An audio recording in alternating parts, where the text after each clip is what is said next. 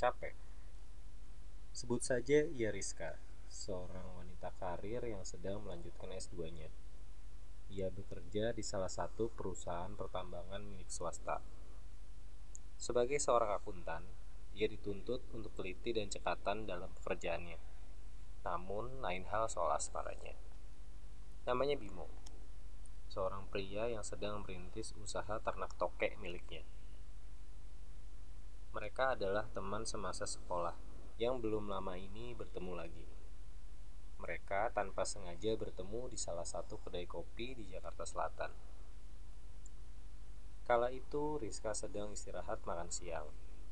Di kedai itu ia memesan es karamel latte.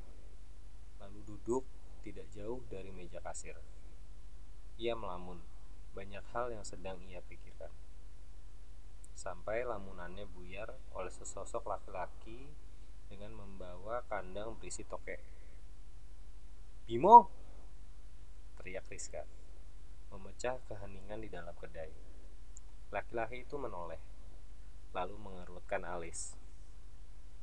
Rizka ya? Ucap Bimo terkejut. Lo apa kabar? Baik, lo sendiri? Ucap Rizka sumringah. Karena pertemuan itu, mereka kembali dekat. Intensitas komunikasi melalui chat bisa dibilang cukup sering. Kadang mereka bertemu di tempat yang sama, di kedai kopi, saat pertemuan pertama mereka. Ada sesuatu yang tumbuh lagi dari seorang Rizka. Perasaan yang dulu sempat hilang, kini hadir, dengan rasa yang baru dan semakin dalam. Selain bertemu di tempat kopi, beberapa waktu yang lalu Rizka pernah mengajak Bimo makan di salah satu warung bakso favoritnya. Saat itu Bimo menjemputnya di rumah, bertemu dengan kedua orang tua Rizka dan izin untuk pergi dengan anaknya. Terlihat wajah bahagia dari kedua orang tua Rizka, karena anak perempuannya diapelin cowok di malam minggu.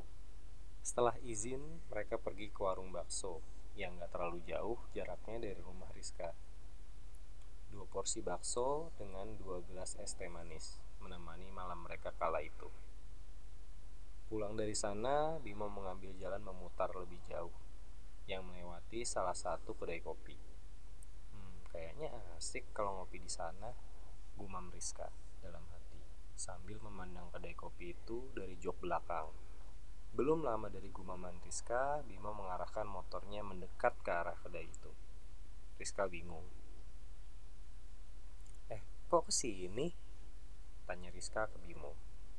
Iya, gue mau ngajak lo ngopi di sini ucap Bimo sambil memarkirkan motornya padahal tadi gue cuma batin aja mau ke sini Bimo cuma membalas senyum diikuti dengan wajah Rizka yang masih bingung karena hari itu sudah terlalu larut mereka memutuskan untuk take away saja dan sebagai ungkapan terima kasih Bimo ke Rizka karena udah ngajak dia makan bareng.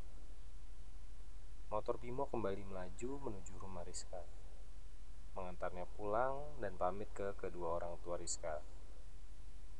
Masih di depan gerbang rumah Rizka, Bimo kembali menyalakan mesin motornya dan berlalu pergi.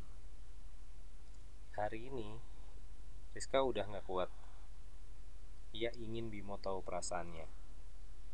Perasaan saat dulu sekolah yang sampai sekarang ini masih tersimpan ia ingin Bimo tahu. Ar, menurut lo gue bilang nggak? Tanya Rizka dari ujung telepon. Emang mau ngomong gimana? Ucap Arya. Ya pingin ngungkapin aja sih. Pakai surat. Kasih aja kalau lo sendiri udah yakin. Arya, seorang sahabat Rizka, dia cukup sering menjadi tempat Rizka cerita soal percintaannya. Malam itu Rizka sudah menyiapkan semuanya. Surat beserta donat sebagai pelengkap. Di kandang tokek milik Bimo, mereka bertemu. Agak bau, tapi sejuk. Rizka menyerahkan bungkusan donat dan surat. Bim, ini ada donat buat lo. Ucap Rizka gugup. Sama ini surat buat lo juga Lalu Rizka menyerahkannya. Ya udah, uh, makasih. Nanti gua, maleman gue baru baca ya, ucap Bimo. Rizka pun langsung pamit meninggalkan Bimo dan para tokeknya. Seminggu pun berlalu, selama itu nggak ada kabar soal Bimo. Entah dia udah baca atau belum suratnya. Ketika mereka bertemu pun, Bimo enggan membahas dan gak berani menatap mata Rizka. Ia bingung. Ia kembali menelpon sahabatnya dan menjelaskan kondisinya. Iya, jadi menurut lo gue tanya apa enggak? Udah seminggu sih, jadi ya tanya aja. Ucap Arya dari ujung telepon. Rizka memutuskan untuk menanyakan soal surat ke Bimo secara langsung Rizka datang ke kedai kopi yang biasa Bimo dan Rizka kunjungi. Sudah ada Bimo di sana, yang sedang sibuk mengobrol dengan temannya. Rizka gemetar, jantungnya berdebar gak karuan. Ayolah, cuma nanya kok, ucap Rizka menyemangati dirinya. Ia menuju ke arah Bimo dan mengajaknya ngobrol sebentar di luar. Jadi, lu udah baca suratnya? Udah Riz. Jawab Bimo menunduk. Terus? Tanya Rizka Yang tak puas dengan jawaban Bimo. Gue bingung Jawab Bimo. Rizka ikutan bingung. Bingung?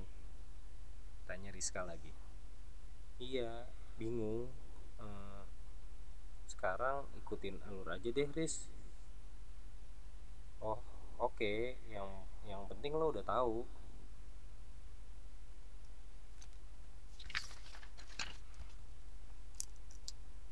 dan masih dan masih bukan jawaban yang ingin Rizka dengar.